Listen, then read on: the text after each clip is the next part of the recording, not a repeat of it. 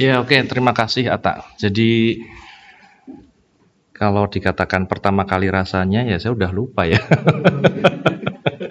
Karena pertama kali jadi ayah itu di tahun 2008 berarti. Ya tepatnya 4 Mei 2008 itu pertama kali alhamdulillah anak saya lahir gitu ya.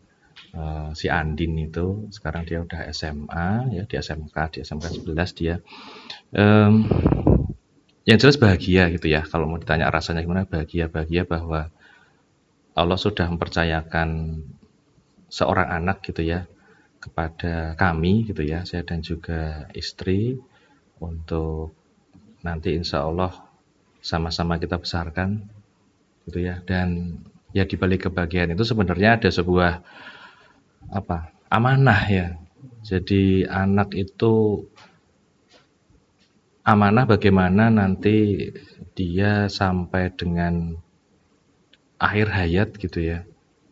Itu adalah cerminan atau merupakan sebuah produk dari ayah ibunya. Jadi kalau tadi uh, Mas Atta dan teman-teman sini menyatakan bahwa sebentar lagi teman-teman apa mahasiswa ya. Kalau saya kan mahasiswi gitu ya.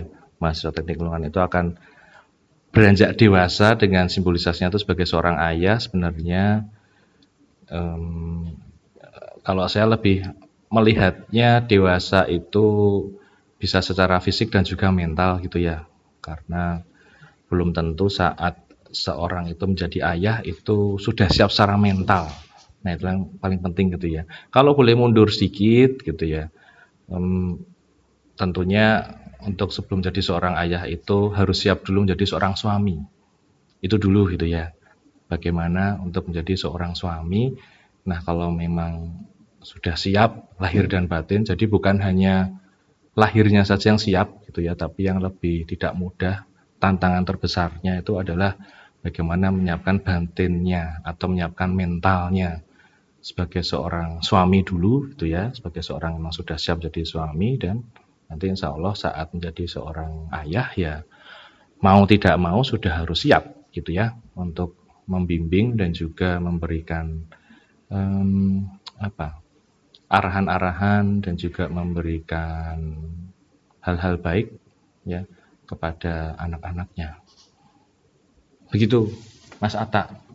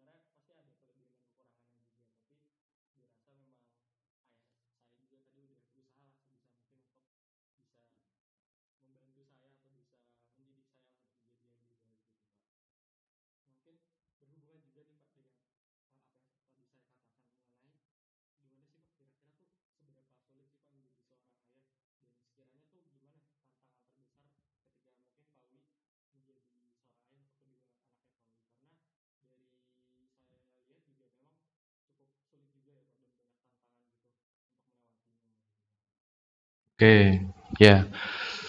Uh, yang jelas saat kita diamanahi gitu ya oleh Allah untuk mendidik dan juga membimbing gitu ya, bukan hanya membesarkan ya. Kalau membesarkan itu membuat jadi besar gitu ya. Dikasih makan aja bisa besar sendiri. Cuman yang tidak mudah adalah bagaimana kita bisa membimbing secara batin terutama secara mental bahwa yang pertama putra ataupun putri kita ya itu mengenal Tuhannya dulu gitu ya mengenal Allah dulu. Nah itulah yang nanti harus kita konsisten dari mulai sejak dia lahir ya sampai dengan pada saatnya nanti kita harus melepas mereka. Jadi kalau laki-laki itu sebenarnya saat dia sudah balik gitu ya sudah balik itu sudah bukan merupakan kewajiban lagi dari ibu dan bapaknya untuk uh, apa namanya membesarkan lagi gitu ya. Tapi memang selama dia sudah dibalik Itu kalau kita melihat ke masa lalu kita di zamannya Rasulullah itu malah sudah berperang gitu ya. Sudah berperang dan sudah menjadi pemimpin. Jadi itulah yang tidak mudah saat ini ya. Makin ke sini memang eranya tidak mudah kalau kita melihat dulu pas zaman ayah-ayah kita mungkin di usia yang sudah balik mungkin sekitar apa akhir SD ataupun SMP gitu ya itu pasti sudah eh, mempunyai tanggung jawab yang lebih besar ya jika dibandingkan atau mungkin Atak dan teman-teman di sini atau mungkin anak saya sendiri ya saya kalau lihat anak saya sendiri bagaimana di usia itu ternyata kalau memang di compare gitu ya compare dengan zaman saya dulu ternyata berbeda. Nah inilah tantangannya karena memang menjadi ayah atau menjadi orang tua di era yang sekarang ini itu tidak mudah dan sangat penuh tantangan. Kalau dulu pas zaman saya itu orang tua saya ngomong A, ya bapak saya ngomong A itu saya udah ikut aja. Ya, kalau mau defense, mau apa, apa namanya, mendebat gitu ya, kan harus punya reason. Kita belum dapat reason banyak waktu itu, infonya belum dapat kita banyak, paling dari apa majalah, dari koran. Tapi kalau sekarang, nah itu tanda petik ya, tantangan ayah dan juga ibu sekarang itu bagaimana harus bisa mengikuti perkembangan si anak ya sesuai dengan usianya dan juga bagaimana sekarang itu musuh utama kita itu adalah gadget gitu ya. Kita kalau berkat saya kalau menyampaikan musuh gitu ya ataupun kompetitor kita karena anak sekarang misalnya ngomong A gitu apakah dia percaya gitu saja atau akan ikut gitu saja? Ya Pak ya Bu. Saya akan berlaku A atau saya akan melakukan hal A atau hal B. Tidak pasti mereka akan mengcompare gitu ya. Loh kalau saya baca di apa lihat di YouTube atau baca di sumber dari Google nggak gini kok ya kan? Apalagi saat kita ditanya kita nggak bisa jawab tuh. Gimana nih? Aduh apa buka YouTube dulu kah? Atau atau apa namanya harus mencari referensi dari Google dulu gitu. Nah itu tantangan yang menurut saya eh, cukup besar gitu ya bahwa mendidik dan juga memberikan apa masukan secara batin, masukan secara mental dan juga secara perilaku ya untuk nantinya menjadikan anak-anak kita itu bukan hanya apa dewasa tapi juga siap secara mental menjadi manusia seutuhnya ya. Siap menjadi calon ayah dan juga siap menjadi calon ibu nah itu makanya kita harus banyak membaca banyak referensi ya dan juga yang sangat penting harus berkooperasi gitu ya, kerjasama dengan istri. Nah, kita tidak bisa sendiri ya, saya jujur tidak bisa sendiri gitu ya, tidak bisa melakukan pembimbingan ataupun pendidikan ke anak itu secara individual gitu ya. Sebaliknya juga begitu istri saya, saya sangat yakin tidak bisa juga apa e, membagi tugas gitu ya. Misalnya oh, anak tugas mendidik anak, tumbing anak, tugas istri misalnya bukan tugas suami, bukan tugas saya gitu ya, dan sebaliknya itu tidak bisa. Ya, sekarang harus bersama-sama, berdua gitu ya. Kan bikinnya berdua gitu ya.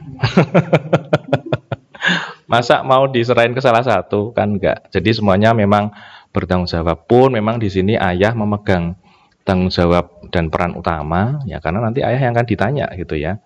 Saat dimulai di alam bersih gitu ya, di alam kubur ataupun nanti di akhirat ya pasti nanti akan ditanya. Yang pertama ditanya adalah pimpinannya itu ya, leadernya, imamnya, ayahnya. Ya, jadi mau anaknya nanti seperti apa ya, istrinya seperti apa, kalau suami atau ayahnya ini nggak benar, ya udah. Nanti yang paling bertanggung jawab itu akan kondisi sebuah keluarga gitu ya. Gitu tak?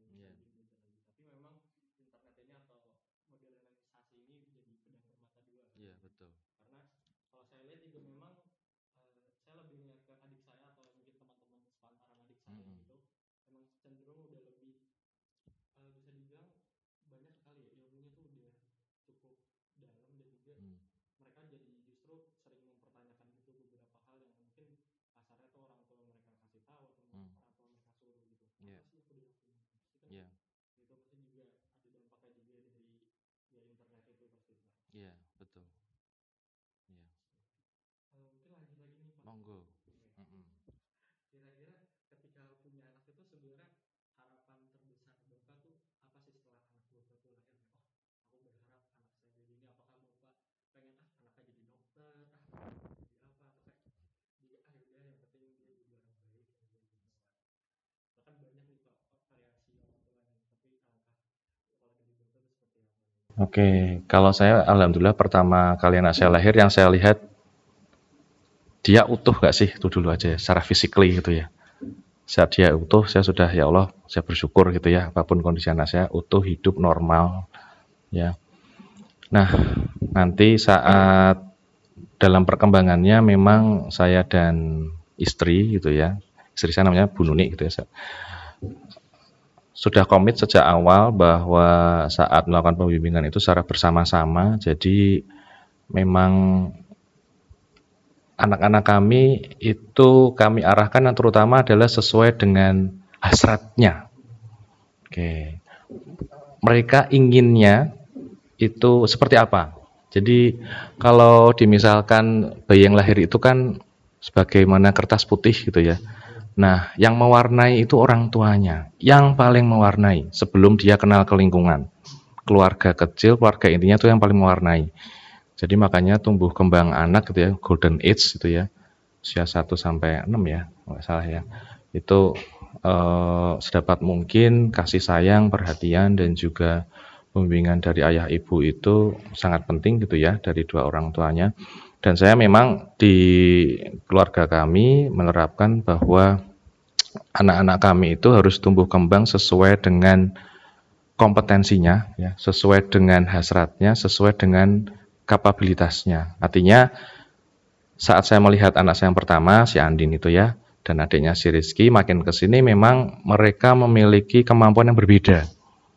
Jadi saya dan istri ya tidak memaksakan atau tidak eh, apa namanya membuat sebuah patokan gitu ya bahwa anak saya nanti harus jadi dokter dari Sobat Mas Hatta gitu ya, jadi dokter harus jadi misalnya jadi profesor gitu ya, atau harus jadi pengusaha misalnya. Saya lebih memulangkan kepada hasrat atau keinginan mereka di situ, passionnya di mana, ya. Jadi kamu suka di mana? Kamu inginan nanti jadi apa? Justru saya itulah hal itulah yang kita kembangkan, itu yang kita gali. Dan itu tidak bisa sehari dua hari. Itu seiring dengan berjalannya waktu gitu ya. Itu. Itu uh, saya membebaskan anak-anak saya bahkan saat mereka memilih sekolah sejak TK gitu ya. TK SD SMP pun saya sudah ada beberapa referensi ya. Itu saya ajak mereka ke calon sekolahnya. Apakah itu calon TK-nya calon SD-nya calon SMP-nya itu saya ajak saya ajak tur gitu ya terus saya ceritain satu persatu gitu ya. Kalau kalau sekolah A itu begini, sekolah B begini, ya silahkan kamu pilih ingin masuk yang mana dan saat kamu sudah masuk di situ kamu harus komit. Itu pilihanmu. Ya. Kalau kemarin eh, anak saya yang si Andin itu karena emang dia dari SMP, dari SD malah dia sudah tanya-tanya, "Pak, kalau SMK itu seperti apa?" gitu ya. Saya juga surprise. Ternyata waktu kelas 5 SD dia tanya itu dan uh, dia itu mengingat itu terus sampai dengan hampir lulus SMP. Bahkan saya waktu itu lupa yang ngasih tahu dia siapa ternyata saya itu. Kan dari bapak udah ngasih tahu kalau SMK itu begini begini begini karena memang dia ingin masuk ke jurusan animasi gitu ya. Dia dia setiap hari kerjaan gambar aja. Ya udah akhirnya kamu ingin masuk animasi di SMK ya. Berarti kamu harus komit, kamu harus belajar, kamu harus mendapat nilai baik apalagi misalnya sekolah itu adalah sekolah negeri gitu ya. Harus bisa bersaing dengan ya teman-temannya gitu ya. Begitu artinya eh, saya gali saya bangkitkan kalau emang dia senang di situ dia harus bertanggung jawab akan bidang yang disenangi. Nah begitu pula adiknya gitu ya. Kalau adiknya tentunya cenderungnya berbeda dengan kakaknya, dia senang olahraga malah. Nah itu sejak SD dia pengen nanti masuk tim inti futsal. Wah, ya saya dorong. Kalau memang kamu mau ingin suka sepak bola, suka futsal, ya silahkan nanti masuk ekskulnya juga ekskul futsal gitu ya. Dan kamu bertanggung jawab di situ. Ya, eh, apa namanya, senangilah dan kamu harus punya kelebihan di situ. Jangan jadi biasa aja, jangan B aja gitu ya. Tapi harus punya kelebihan dan punya apa namanya sesuatu yang dari kesenangan atau keinginanmu itu nanti bermanfaat gitu. Kalau tadi ditanya ya balik lagi ya belum terjawab ya tak ya. Kepingin saya apa? Yang penting anak saya itu nanti bisa bermanfaat ya terutama untuk agamanya, untuk keluarganya ya dan yang paling besar adalah untuk masyarakat. Nah itu itu yang paling nggak mudah itu ya bermanfaat untuk masyarakat sampai akhir hayat. Wah, luar biasa. Harapan seperti itu. Apa pun profesinya, gitu ya. Gitu tak?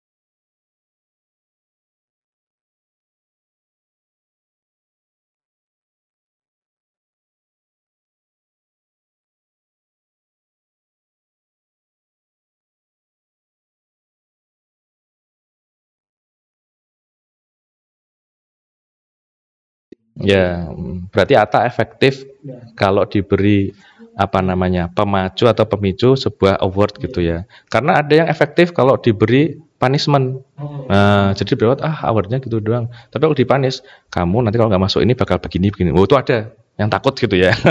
Pun mungkin memang saya nggak sependapat sama yang itu sih.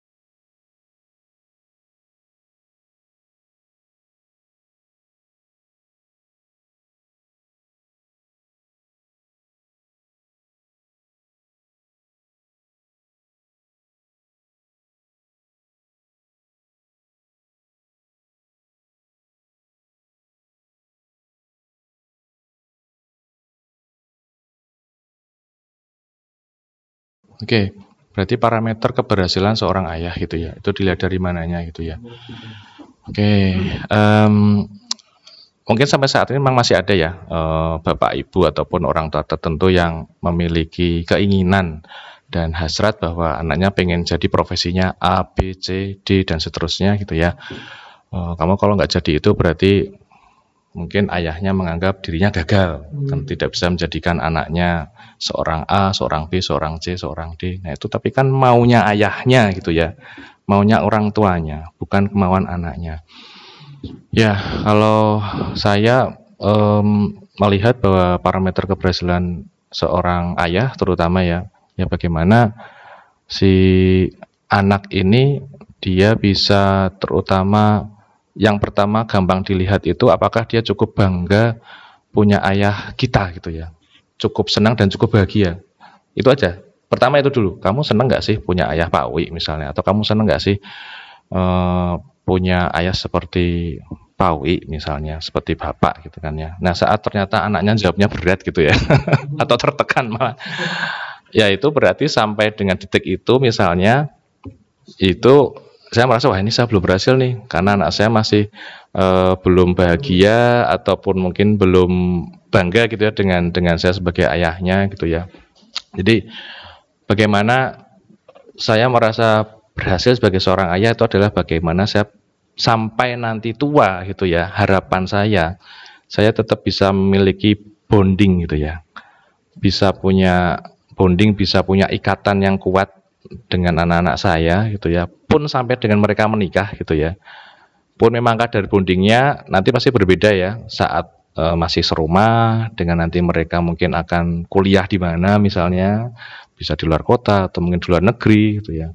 Atau bahkan nanti sampai mereka sudah menikah tentunya bondingnya ini beda ya apa derajat tingkat ikatannya pun misalnya nanti mereka akan berjauhan tapi tetap secara ikatannya itu kuat gitu ya.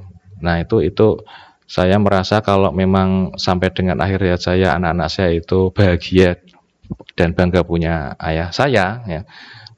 Ya Bismillah mudah-mudahan begitu ya. Ya itu saya merasa ya itu berarti harapannya ya harapannya oh alhamdulillah saya berhasil nih jadi seorang ayah. Jadi uh, bukan untuk menjadikan anak saya menjadi seorang A B C dengan profesi mereka ya. Yang penting mereka bahagia menjalani hidupnya ya mereka bisa komit dengan pilihan-pilihannya dan mereka bisa apa menjalankan agamanya dengan benar juga ya.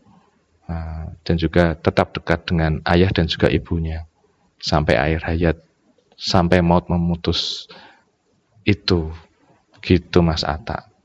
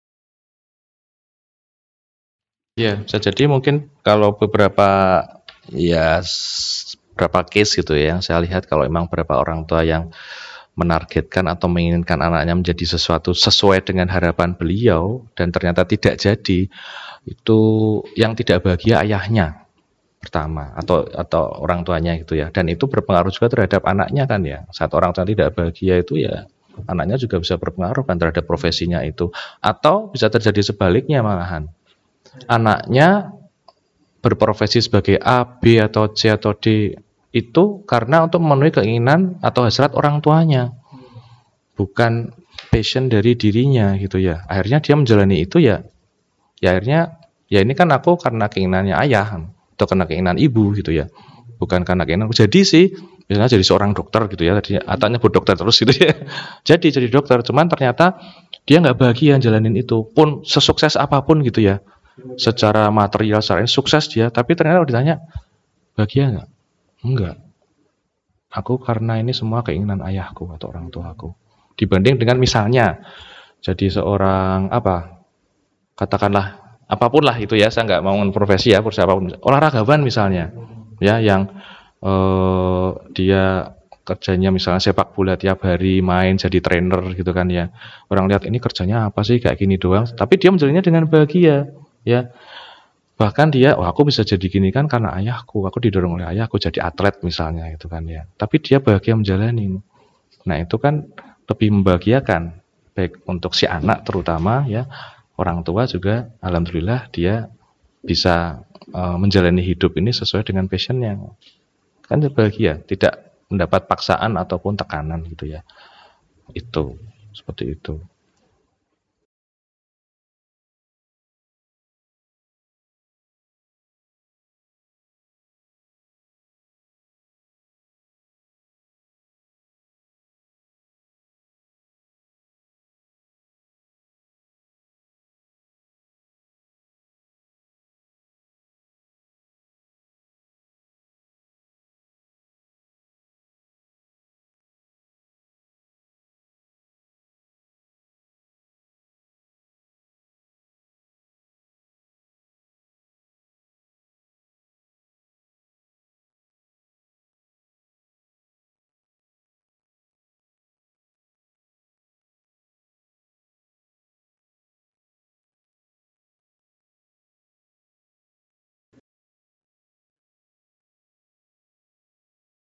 Ya, tapi nggak salah loh Mas Atta. Artinya kalau memang sudah siap dan memang e, hasratnya itu ingin menjadi seorang ibu gitu ya, ingin menjadi istri, itu nggak salah juga. Belum lulus pun nggak apa-apa.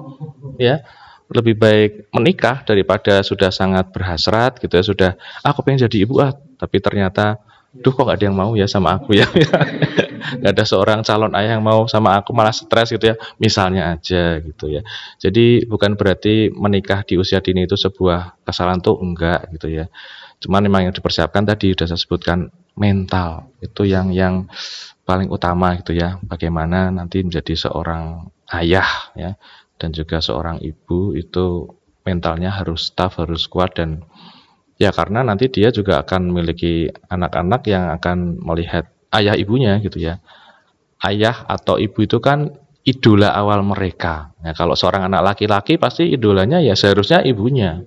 Bagaimana dia melihat ibunya ya nanti kalau emang dia bangga dan bahagia punya ibu seperti beliau gitu ya nanti kan cermin istrinya juga tidak jauh-jauh dari ibunya bahkan mungkin wajahnya gitu ya. Makanya orang suka ih kok wajahnya mirip ya kayak ibunya? Karena preferensinya seperti itu. Sebaliknya juga anak perempuan ya anak perempuan itu bagaimana sejak awal lahir dia mendapat kasih sayang dan juga laki-laki pertama ya yang dilihat oleh anak perempuan itu kan ayahnya. Laki-laki yang pertama menyentuh ya mencium gitu ya. Bahkan sampai nanti menikahkan itu kan ayahnya. Jadi eh, apa namanya itu adalah figur. Nah, ayah, ibu itu adalah figur bagi anak-anaknya. Makanya memang ya tidak mudah sih Mas menjadi apa saya kalau mengatakan menjadi seorang ayah yang ideal gitu ya. Seorang ayah yang senantiasa sabar gitu ya. nggak pernah marah gitu. Ya. Wah, luar biasa banget gitu ya. Pun saya masih berusaha ya uh, sampai dengan detik ini untuk menjadi seorang ayah yang bisa dibanggakan oleh anak-anaknya. Gitu tak?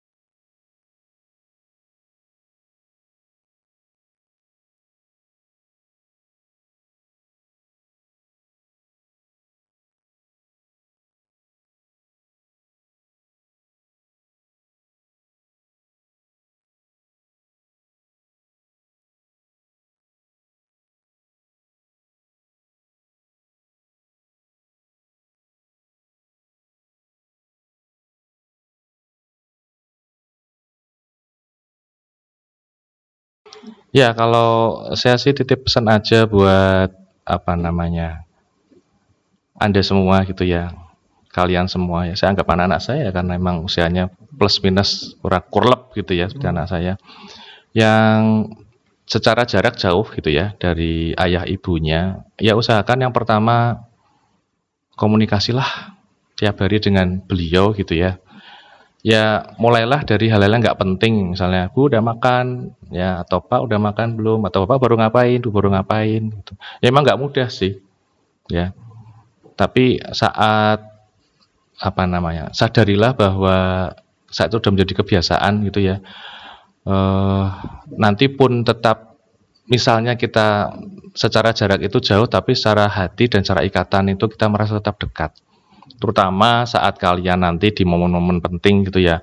Mau ujian mau ketemu dosen misalnya mau bimbingan sama dosen mau apalagi sidang TA sidang KP hal-hal penting itu kalian butuh doa ya. Ya terutama ibu kalian ya itu. Kalau dalam apa ke muslim kan ibumu ibumu ibumu tiga kali gitu ya baru ayahmu. Jadi doa ibu itu sungguh luar biasa gitu ya. Tanpa juga mengesampingkan doa ayah juga gitu ya. Saya kalau anak saya tuh kamu jangan durhaka pada ibumu gitu yang pertama. Yang kedua pada ayah gitu ya. Karena doa ibu itu lebih makbul dan lebih manjur dari doanya Habib, Kiai, Ustadz ataupun sekelas Rasul gitu ya. Tapi kalau Rasul insya Allah makbul ya di sini. Cuman memang waktu itu ada seorang sahabat minta didoakan gitu ya oleh sahabat yang lain itu ditanya kamu masih punya ibu enggak nah kalau kamu masih punya ibu ya sana minta doa dulu sama ibumu. Ya bahwa doa seorang ibu itu sungguh makbul luar biasa gitu ya. Dan bagaimana supaya doanya makbul? Ya kita harus dekat sama ibu kita ya. Dekat sama ayah kita. Jangan yang kontaknya kalau duitnya habis doang gitu ya pak kirimi pulsa pak aku pulsa saya habis atau Pak isi gope dong. Mah isi gope dong. Itu ya. Jadi kalau bahasa Jawanya itu jangan pas butuh tok gitu loh ya. E, komunikasilah tiap hari gitu ya. Dan ya itu yang selalu saya usahakan gitu ya untuk e, paling enggak kontak orang tua saya gitu ya. Bagaimana kondisi beliau tiap hari pun memang rumah saya deket ya sama orang tua saya gitu ya. Ya itu tidak mudah ya terutama kalau yang jauh ya jangan sampai jauh dari orang tua lah sampai kapan pun gitu ya. Karena sesungguhnya kita itu baru merasa kehilangan saat yang ada itu sudah tiada. Nah itu kita baru kerasa. Mungkin saat sekarang kita nggak kerasa ya. Tapi saat nanti suatu saat udah nggak ada ya jangan sampai menyesal gitu ya. Apalagi yang jarang minta doa sama ibunya, jarang berkomunikasi dengan ibunya, jarang minta doa kepada ayahnya, jarang komunikasi dengan ayahnya. Ya sering-seringlah komunikasi dengan orang tuamu gitu ya. Ya jangan cuma sama pacar gitu ya. Pacar baru pacar itu apa sih yang nggak penting gitu ya. Kalau calon suami lah itu penting ya. Calon suami atau calon istri lah itu perlu dipertimbangkan. Kalau masih pacar enggak lah. Ya, lebih penting orang tua. Patuhlah pada orang tua, ya terutama saat nanti kalian akan mendapatkan pendamping hidup. Ya, minta doa sama beliau. Harus ridho, baik dari ibu ataupun ayahmu. Gitu ya. Sebenarnya masih panjang sih mas. Ini kurang kalau cuma setengah jam gitu ya. Atau dibikin seri satu gitu ya. seri dua tahun depan. gitu. Gitu ya tak. Dan teman-teman semua.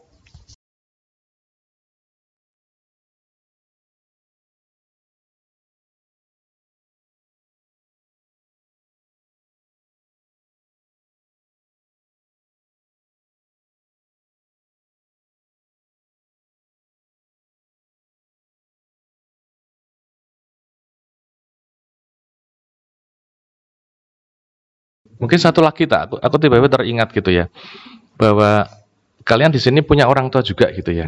Nah, bapak ibu dosen, nah ya itu juga orang tua kalian loh, pembimbing kalian atau dosen wali kalian gitu ya. Jadi nggak ada salahnya setelah kalian misalnya eh, mau sidang, mau skripsi gitu ya, mau melakukan apa pun yang penting gitu ya, ya minta doa sama dosen-dosen kalian di sini gitu ya uh, apa kita tuh juga bahagia loh kalau mahasiswanya Pak doain ya Pak atau kalau sudah lulus dari sini tetap kontak gitu ya. Oh itu sungguh membahagiakan dan membanggakan gitu ya. Paling kalau saat nanti kalian ternyata jadi orang jadi orang yang hebat, sukses gitu ya, pemimpin dunia, wah itu luar biasa itu. Gitu tak? Uh -uh.